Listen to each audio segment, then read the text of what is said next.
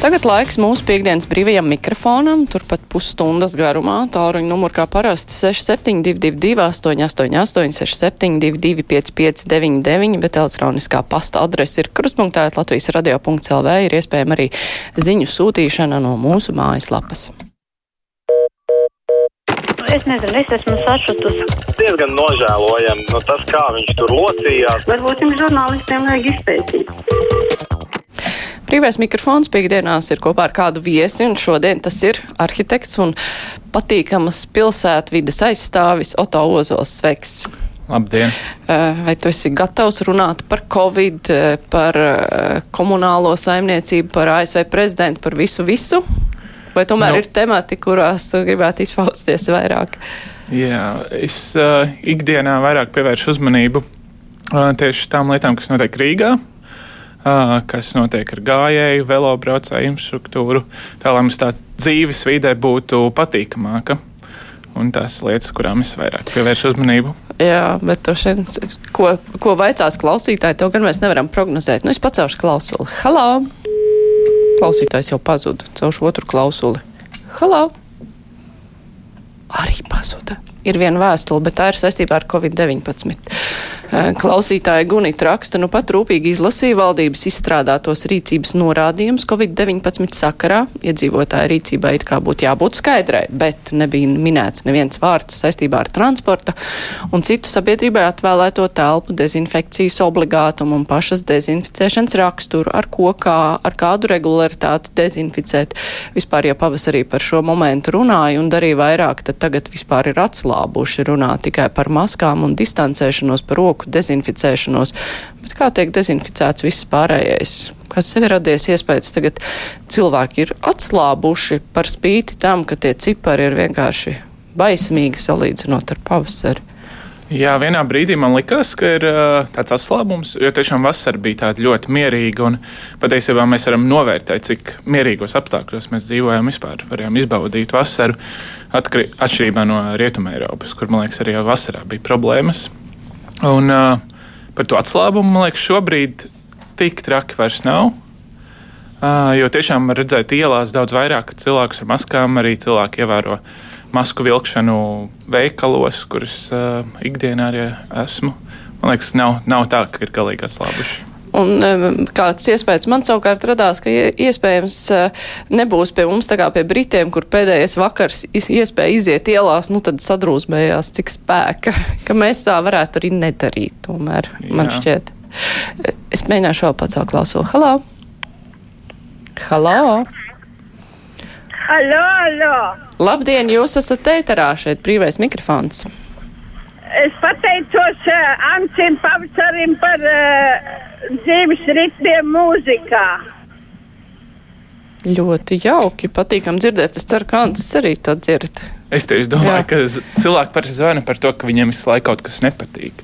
Tad beidzot kāds piezvanīs arī, ka viņam kaut kas patīk. Jā, un es varu par dzīves ritmiem mūzikā tikai pievienoties. Lieliski raidījumu. Klausītājs zvana. Hello! Labdien! Labdien! Brīvais mikrofons, esat jau vēterā. Jā, sakiet, lūdzu, cik ilgi vēl varēs braukt šitie dzērāji šoferi? Katru dienu kaut kāds 10, 15 pieķer, kas brauc pie stūra dzērumā. Vajadzētu viņiem atņemt mašīnas, arī tam trešajām personām atņemt mašīnas un pārdot izsolē. Un tad būtu miers. Jā, nu, tie dzērā šoferi jau nedrīkst braukt, bet, eh, diemžēl, viņi tiešām to dara, bet vai tādi drastiski pasākumi kaut ko varētu līdzēt? Jā, tā ir problēma. Man liekas, ka, jā, ka tieši tā kontrole uz ceļiem liekas, arī rada to problēmu, ka nebaidās varbūt cilvēki viņus noķers. Bet tas nav stāsts tikai par dzērāju šoferiem. Tas, ka mums ir Latvijā vispār problēmas ar satiksmes drošību. Šodien pat man tieši zvanīja uh, cilvēks un tieši stāstīja par to, ka Jā, ka ir kaut kāds šoseis posms, kur nav domāts par to drošību. Un jau ir viens cilvēks, pazīst jau divus, kuri gājuši bojā tajā ceļa posmā, braucot ar mašīnu. Un, jā, viņi tieši aicināja pilsētas cilvēkiem iesaistīties, lai, lai šo problēmu mēģinātu risināt. Bet nu, jā, tas stāsts ir par mm. valsts vispār atbildību par to, lai mums tas bojā gājušo skaits Latvijā samazinātos. Jo mums ir viens no augstākajiem rādītājiem uh, Eiropas Savienībā. Diemžēl, jā. Uh, klausītājs uh, grib vaicāt Ozola kungam, kāpēc viņš aktīvs velobraucējs neatbalsta baronielas pielāgošanu velosipēdistiem. Uh, pirmkārt, es neesmu velobraucējs. Esmu cilvēks, kurš pārvietojas ar dažādiem transporta veidiem, uh, arī pārvietojas ar kājām. Es vienkārši rīdzinieks. Un, uh, tas nav stāsts, ko es neatbalstu vai neatbalstu. Uh, es vairāk stāstu par to, ka, uh, ja mēs runājam par čaku ielu, tad mēs nevaram pateikt, ka jā, tur tā barona iela tur ir tagad foršāka uztaisīta, un tad čaku iela būs tāda degradēta un aizmirsta. Tā būs tāda šoseja, nu, ka jābūt līdzsvaram, ka visām ielām jābūt tādām drošākām, foršākām. Nevis lai brauktu velospēdu, lai vispār dzīvotu tajās ielās, un arī lai būtu uh, droši visiem un patīkami uzturēties ielās.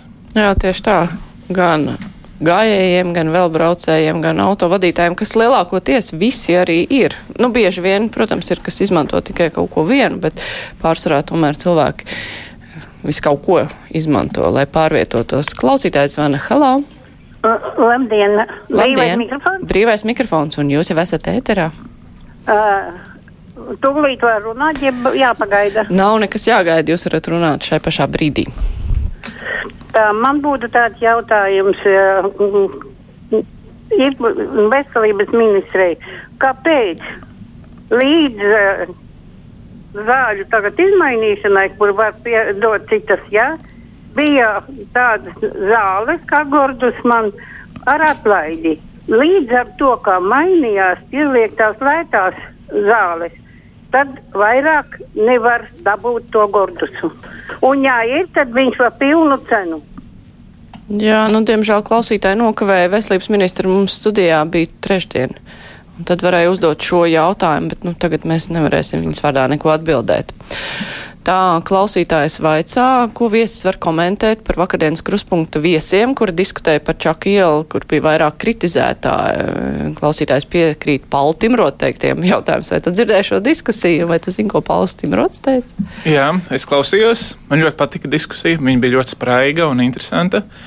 Uh, jā, nu, Timrots kā Timrots. Viņš vienmēr izpaužās un stāstīja par puņķainiem bērniem, kurus ar riteņiem būs jāved uz bērnu dārzu un skolu. Uh, nu, jā, tādos stereotipos viņš runāja. Un, nu, tā ir normāla lieta, kas notiek Skandināvijā, Kopenhāgenā, Helsinkos, Stokholmā.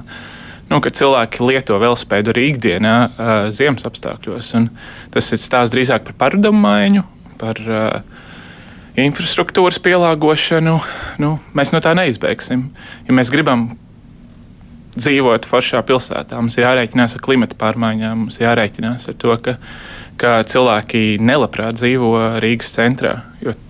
Pēdējo 20 gadu laikā ir 33% pametuši Rīgas centru. Mums ir vienkārši jāmaina, tā, tā pilsēta vienkārši nomirs. Mm -hmm. Infrastruktūra ļoti būtisks jautājums šajā kontekstā, jo ziemā braucot, ir šobrīd Rīgā tiešām bail saslīdēt un paskriet zem kādas smagās mašīnas, bet, ja būtu labs veloceļš, kāpēc gan nē? Un arī notīrīts. Un tieši notīrīts, jā. Tā klausītājs veicā, ko to domā par satiksmes noteikumu ievērošanu. Nesen sociālos tīklos klīd video, kur viņš ar bērniem veic bīstamus manevrus. Uh, jā, tas man liekas ir jocīgi. Uh, es nevienu noteikumu nepārkāpu tajā laikam video, es nezinu, vai tas video īstenībā varbūt ir bijis. Bet jā, tas liekas jocīgi, ka cilvēks ar bērniem var ar velospēdiem braukt pilsētā. Man liekas, ka tas ir jocīgi, ka, ka tā nav normāla lieta, ka brīnās, ka kāds uzdrošinās to darīt. Un, ka tā infrastruktūrai jābūt tādai, lai tiešām bērns viens pats pat varētu aizbraukt līdz skolai. Un, diemžēl nav daudz tādu vietu, kur tā var izdarīt, bet vajadzētu ļoti. Tā, klausītājs zvana. Hello! Hello! Jā. Jā, lūdzu, gribu, gribu teikt pāris vārdus par transportu. Lūdzu, sakat pāris vārdus par transportu. To, to varat darīt jau tūlīt. Es ļoti, ļoti bieži braucu no rītiem uz darbu ar 15. trolēbusu Rīgā, kaut kas kursē no ķēngaraga līdz mūsu universitātei. No trolēbus ir tik ļoti pārpildīts šī briesmīgajā laikā. Gandrīz visiem, nu gandrīz visiem cilvēkiem ir sejas aizsegi. Gandrīz visiem. Bet tiešām ir bailes kāpt iekšā. Tāpat arī tālāk braucot 40. trolēbus. Nu, ir tik ļoti pārpildīts transports. Varbūt tagad jaunā Rīgas doma un liekas, ka tur pūka kungs būs tagad mums atbildīgais par to transporta padarīšanām. Vai tiešām nebūtu iespējams palielināt šos ļoti noslogotos maršrutus vismaz rīta stundās? Mm -hmm. nu, problēma ir aktuāla. Atceramies pavasari, kad tika samazināts reisu skaits, par ko uh, īstenībā tur daži dabūja pausīm, jo mm -hmm. tas bija tieši. Un tieši tagad, kad uh, ir skaidrs, ka saslimšana var būt arī visur transportā, nu, ka cilvēki ir inficēti, nu, tad uh, samazināt jau neviens, protams, netaisās jautājums, vai var palielināt. Man liekas, ka arī būtiski, lai sabiedriskais transports ātri brauktu, lai viņam nav jāiestrēgst sastrēgumos, lai cilvēkiem pēc iespējas mazāk laiks būtu jāpavada sabiedriskajā transportā. Un otrs arī, kā var izsināt to piepildītību, ir, ka jāļauj cilvēkiem braukt ar, piemēram, velospēdiem, lai, lai noteikti nav jāspiežās iekšā sabiedriskajā transportā. Piemēram, ir milzīgi apgājumi, purcējums, pļaunieki, kas ir nogriezti no, no, no Rīgas centra ar tiltu, uz kur nav pat neietves normāls. Tur ir tāds pusagrūšas kāpnes un nav iespēja īsti savādāk nokļūt pilsētas centrā, kā nelietojot sabiedrisko transportu. Tas atkal stāsta par infrastruktūru. Mm -hmm. Tā, klausītājs zvana. Hello! Labdien! Labdien. Ehm, es vēlējos pajautāt tādu lietu, kāda eh, ir jūsu attieksme pret to, vai nevarētu vērsties stingrāk pret tiem uh, velobraucējiem, kuri, piemēram, Rīgas uh, robežas, nu, Rīga jau nav tikai centrs, ir arī bērģi, ir arī papīra fabrika, kuri brauc pa šiem ceļiem dienas tumšajā laikā bez atstarojošiem elementiem. Vai tiešām nevarētu būt arī tā, ka eh, nu, ne tikai autobraucējiem ir eh, jāievēro noteikumi, bet arī velobraucējiem ir jābūt redzamam? Paldies! Tā ir problēma. Tā tiešām ir problēma. Un, nu jā, bezatbildīga uh, rīcība, jā, ka vajag aprīkot velospēdu lampiņām noteikti. Un, uh, Un, uh, tad arī būs daudz drošāk. Un, uh, diemžēl bezatbildīga rīcība ir redzama pilnīgi visās sabiedrības grupās. Nevar izdalīt, ka tie ir bezatbildīgi un šie nav. Tāpat ir lieliski autovadītāji, ir agresīvi autovadītāji. Velospēdisti mēdz būt arī agresīvi, kas brauc pret spalvu. Šodien vien tādu redzēju. Un kārtīgie, tā kā nevar visus mest pār vienu kārti. Protams. Klausītājs Vana, hello! Jā. Labdien! Labdien! Eit Ilmārs no Jūrmalas. Man bija jautājums par koncertu zāles ietu. Tajā karajā sarakstā, kas pavīdēja sen agrāk pirms Elizabetes ielas divi.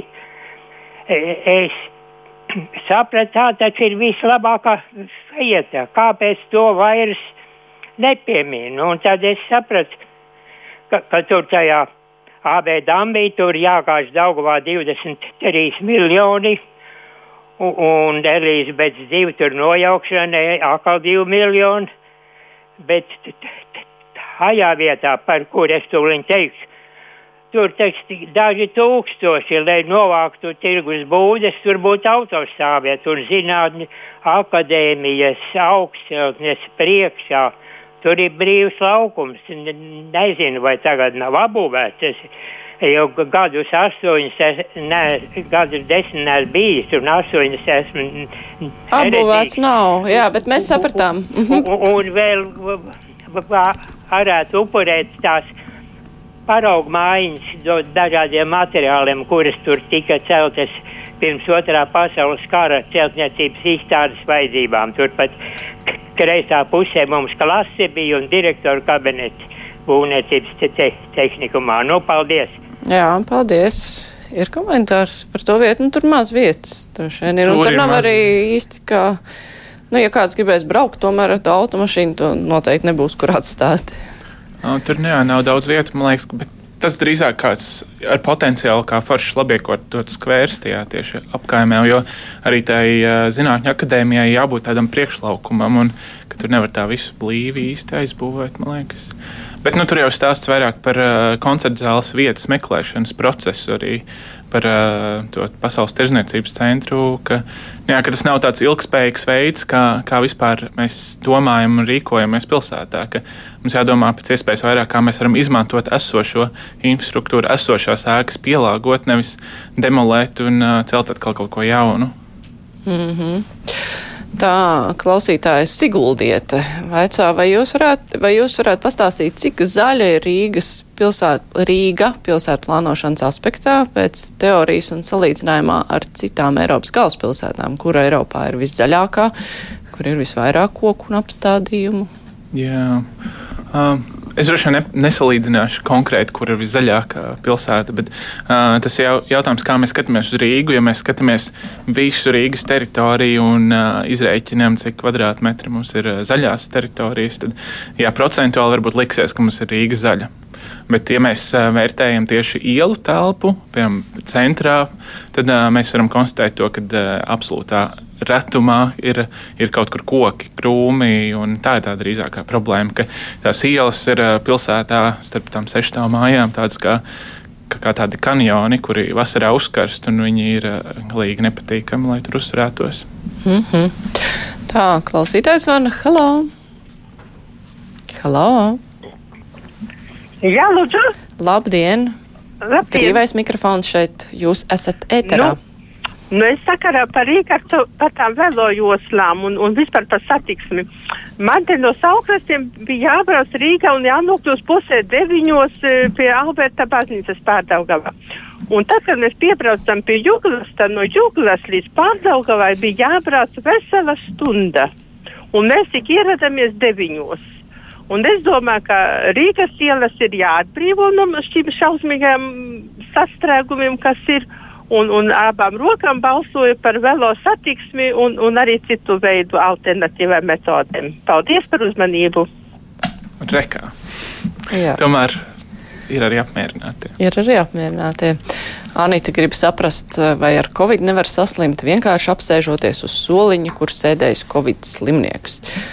Domāju, ka nav īsti tādas lielas iespējas. Pavasarī likās, ka var saslimt nu, tā vismaz ieraugot to vīrusu pa gabalu, nu, bija bailīgi, bija bailīgi, bet tagad man šķiet, ka neviens vairs nedomā, ka varētu ar muguru uzņemt uh, vīrusu. Tā pavairāk, lai pietiktu arī saslimšanai. Es šo, šorīt no pavasara atceros, ka kaut kur Twitterī lasīju, ka, ka cilvēki pat baidījās nopirkt zemenes. Viņi teica, ka viņi nopirka zemenes, viņi nolika mājās un vēl pāris dienas noturēja, un tad tikai ēda. Nu, jā, baidījās no vīrusa. Nu jā, bet tajā pašā laikā runājot par to vīrusu atrašanos, piemēram, uz maskām. Uh, jau no vienas puses ir tā, ka maska ir jāizmet noteiktā vietā, jo atkrituma šķirotājs var saskarties ar vīrusu tajā pašā laikā. Nu, ja kāds savu džemperīti izmetīs tajā pašā miskastē, un tas arī būs pabijis turpat, kur tā maska, nu, viņš būs tikpat vīrusains. Bet, nu, kaut kā ir kaut kādas pārmērības, ir, ir nu, man vismaz tā šķiet uzskatos par to, kā tas vīrus pārvietojās. Nu, labi, klausītājs zvana. Hello! Labdien, man ir jautājums. Labdien, lūdzu, jūs jautājums. Jūs varat teikt, jūs varat ah. uzdot savu jautājumu. Jā, man ir jautājums tāds uh, par uh, satiksmes plānošanu. Latvijā, Latvijas autoceļiem un vēl visur apkārt ir izliktas kameras, kuras droši vien vēro ceļus. Noteikti viņas ir pievērojušas, kur Uh, mašīnas iebrauc Rīgā, izbrauc Rīgā, kādas, cik bieži viņas brauc. Un tādā veidā varētu pat, uh, ņemot vērā šo intensitāti, plānot tā saucamās pārkanu raidus, beidzot varbūt, un uh, atbrīvojot to lielāko plūsmu. Kā braucot tagad pa ielu, vērojot mašīnas, tad 90% ir brauc pa vienu. Paldies!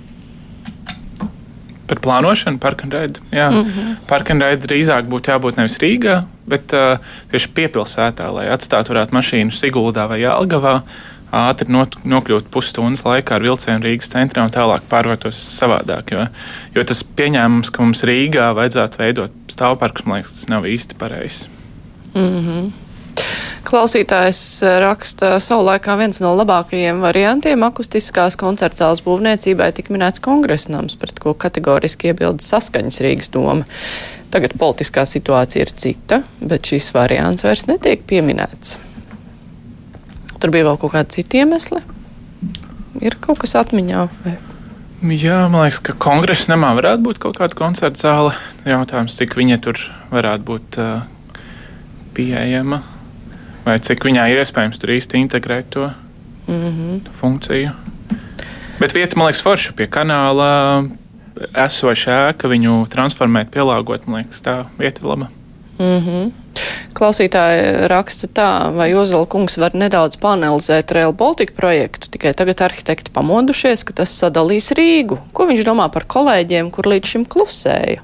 Ir par vēlu par to runāt, vai um, ko, ko, ko domā par šo projektu? Jā, no, nav tā, ka mēs, droši vien kāds arhitekts varbūt pamodās, bet uh, principā mēs kā uh, aktīvi ir iedzinieki, kuri darbojas uh, nevalstiskās organizācijas, apkaimbiedrībās jau labu laiku tam sakojam līdzi. Uh, jā, tā problēma ir, ka, jā, ka mēs pa maz uh, diskutējam par to, kā, kā tiešām to ja dzelzceļu būvē, tad kā viņu integrēt uh, pilsētā, lai viņš būtu uh, nevis kā atrauta barjera, kur sašķeļ pilsētu, bet kā mēs varam attīstīt uh, un saistīt kaut kādu blakus infrastruktūru, attīstīt uh, labus savienojumus, kvalitatīvus, un nevis vienkārši uzbūvēt divas dzelzceļa sliedes, uzbūvēt uh, desmit km garu uh, sienu pārdaugavā. Un, tādā veidā to vidi pārdaugā tieši degradējot vairāk, nevis uh, uzlabojot. Jo, jo mēs ļoti daudz koncentrējamies runājot par uh, Rīgas centru, kā mēs noraksim vaļņus, kā mēs uh, uh, tur attīstīsim bulvārus 13. janvāra ielā. Un, un uh, par centru mēs runājam, bet par pārējo teritoriju, pa labo krastu mēs vispār, kas ir aiz Latvijas ielas, vēl joprojām nezinām, kas tur īsti ir plānots. Vispār nekas nav dzirdēts. Jā, ka tas notiek ļoti, ļoti sasteigti. Un, jā, tas var radīt problēmas arī nākotnē. Jā, tas būs viens no tematiem, kas par ko runāsim mūsu pirmdienas lielajā intervijā. Mums studijā nu, attālināti būs RBRL valdes priekšsēdētājs Agnes Drīks, un tas būs arī viens no aspektiem, par ko mēs runāsim. Un klausītāji, jūs varat arī rakstīt vēstules labāk pirms raidījuma, lai es varu paspēt sašķirot un noformulēt kaut kā ievīt lielajā intervijā, jo tad mēs atsevišķi klausītāju zvanus neuzklausām. Bet tā ir gan es pacelšu klausulu. Halo! Halo, labdien! Labdien! Uh, Ivars Balskis. Uh, mēs te baigi cepamies par to centru. Uh, bet es gribu pateikt, ka Timrods kungs ir ļoti uh, zinošs cilvēks par satiksmi viss. Un, un, un es viņam pilnīgi piekrītu, ko viņš vakar teica.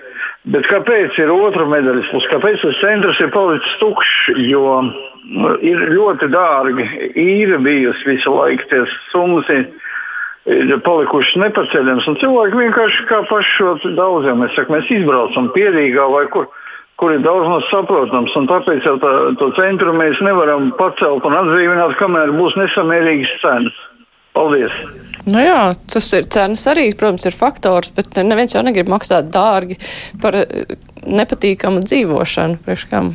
Jā, jo, ja skatās Eiropas pilsētas, tieši centrs ir vispievilcīgākā vide, kur dzīvot, jo tur ir pakalpojumi, tur ir uh, tuvu bērnu dārza, skola, uh, teātris, opera, veikali, muzeji. Viss tas ir koncentrējās pilsētas centrā, kas, uh, kas rada tiešām ne tikai dzīves vidi patīkami, bet arī tie pakalpojumi, kas pieejami. Tai, tās visas vietas ir tieši pievilcīgas dzīvošanai. Un Rīgas centru mums vienkārši vajag padarīt vietu, kurā cilvēki grib dzīvot, nevis vienkārši atstāt tukšus dzīvokļus. Mm, tad, iespējams, arī viņi būs gatavi kaut ko maksāt vairāk. Tā klausītāja raksta, pateicoties skolēnu brīvlaika ceļojumiem uz Kipru, Covid pieaugums Latvijā. Droši vien, ka ne jau tikai Kipra ir vainīga, bet tur ir vairāk aspekti. Lai gan tā Kipra arī, nezinu, vai bija labākais labākās atvaļinājuma iespējas. Es pacelšu klausuli. Halo! Halo! Halo! Labdien! Jā. Brīvais mikrofons! Labdien, jā! Jūs varat jau jā, runāt. Tā, es varu uzdot savu jautājumu. Jā, jā, jā droši. Man ir tāds jautājums attiecībā par skūteriem, kas ļoti daudz tagad ir pilsētā. Visi viņi ir nereģistrēti un nav nekādu arī civiltiesiskās atbildības noteikumi tiem, kas brauc, un tiem, kas ir viņu īpašnieki, attiecībā pret tiem, kam var tikt nodarīts pāri. Kāpēc tas tā ir? Jo skatoties citur, Rietumē Eiropā, kur mēs tā cenšamies līdzināt, tas tiešām tā nav. Katrs skūters ir reģistrēts, katrs ir ar numuru un katrs ir civiltiesiski apdrošināts. Un, lai stātos pie viņa stūres, ir obligāti nepieciešamas tiesības, jeb kādas, bet tiesības. Paldies! Mm. Es tiešām nezinu nevienu Eiropas valsti, kur būtu numurzīmes tiem skūteriem, kuri mētājās mums ielas malās, kuri apdraud gājējus. Nekur tādu neesmu dzirdējis, bet jā, tā ir problēma. Un tieši tas ir stāsts par to, kāpēc, eh, piemēram, Čakīlā ir vajadzīgs velojoslas. Nevis dēļ uh, velobraucējiem, bet dēļ tiem pašiem gājējiem. Lai tie skūteristi un velobraucēji nelavierēs starp, piet, uh, starp gājējiem pietvēm. Un, tas atkal ir stāsts par infrastruktūru un pielāgošanu, lai, lai tā, tam prioritārajam, kas ir gājējis pilsētā, lai viņam būtu sava vieta, droša vieta, viņa nebūtu jāuztraucās. Klausītāja komentārs. Viņš grib pateikt divas lietas. Pirmais - izteikt pārsteigumu par to, ka Rīgas pašvaldība un visas tās departamenti pilsētas centrā joprojām turpina strādāt klātienē. To es nezinu, vai visi, bet kaut kāda daļa strādā, drusku vismaz daļai klātienē. Un otrais ir, esmu pilnīgi pārliecināts, ka tiem, kam būs iespēja no Rīgas pārcelties uz dzīvi citur, to visdrīzāk izdarīs, jo, diemžēl, Rīgas infrastruktūra un plānojums bez kardinālām izmaiņām nemaz nepieļauj būtiskus pilsētvidas uzlabojumus, veiksmīgu dienu. Nepieļauj vai pieļauj tomēr? Es teiktu, noteikti pieļauj. Jo ielu platumi, tā struktūra, kāda mums Rīgā, jau neko neatšķirās no citām pilsētām, kurām mēs gribētu līdzināties. Mums nav šaurākas ielas. Mm -hmm. Un vēl viens klausītājs Ričs raksta, bērnu dārza centrā. Lūs, jūs laikam jokojat. Mums gan nav daudz laika to komentēt. Tā arī ir viena no problēmām, jā. Jā, ka varbūt Jā, ka pietrūkst bērnu dārzi pilsētas centrā. Tas tā arī ir viena no problēmām, kas liek cilvēkiem arī pamest vispār Rīgu, jo Rīgā nav pieejama bērnu dārza. Un reizēm ir tā, ka, ka tas arī ir, ir viena no problēmām, kāpēc cilvēkiem ir jābrauc ar mašīnu. Jo viņš dzīvo vienā galā, bet viņš ne, nedabūna bērnu dārzu pie mājas, tad otrā citur. galā pilsētas. Viņi, viņi vienkārši piespiež braukt mašīnu. Tā arī ir viena no problēmām, kas būtu jārisina. Mm. Paldies, es saku arhitektam un pilsētvidas, pilsētplānotājiem un labas pilsētvidas aktīvistam Oto Ozolam. Paldies, ka varēja atnākt. Mums savukārt tūlīt būs ziņas, pēc tam mēs kopā ar žurnālistiem apspriedīsim aizvadītās nedēļas aktualitātes.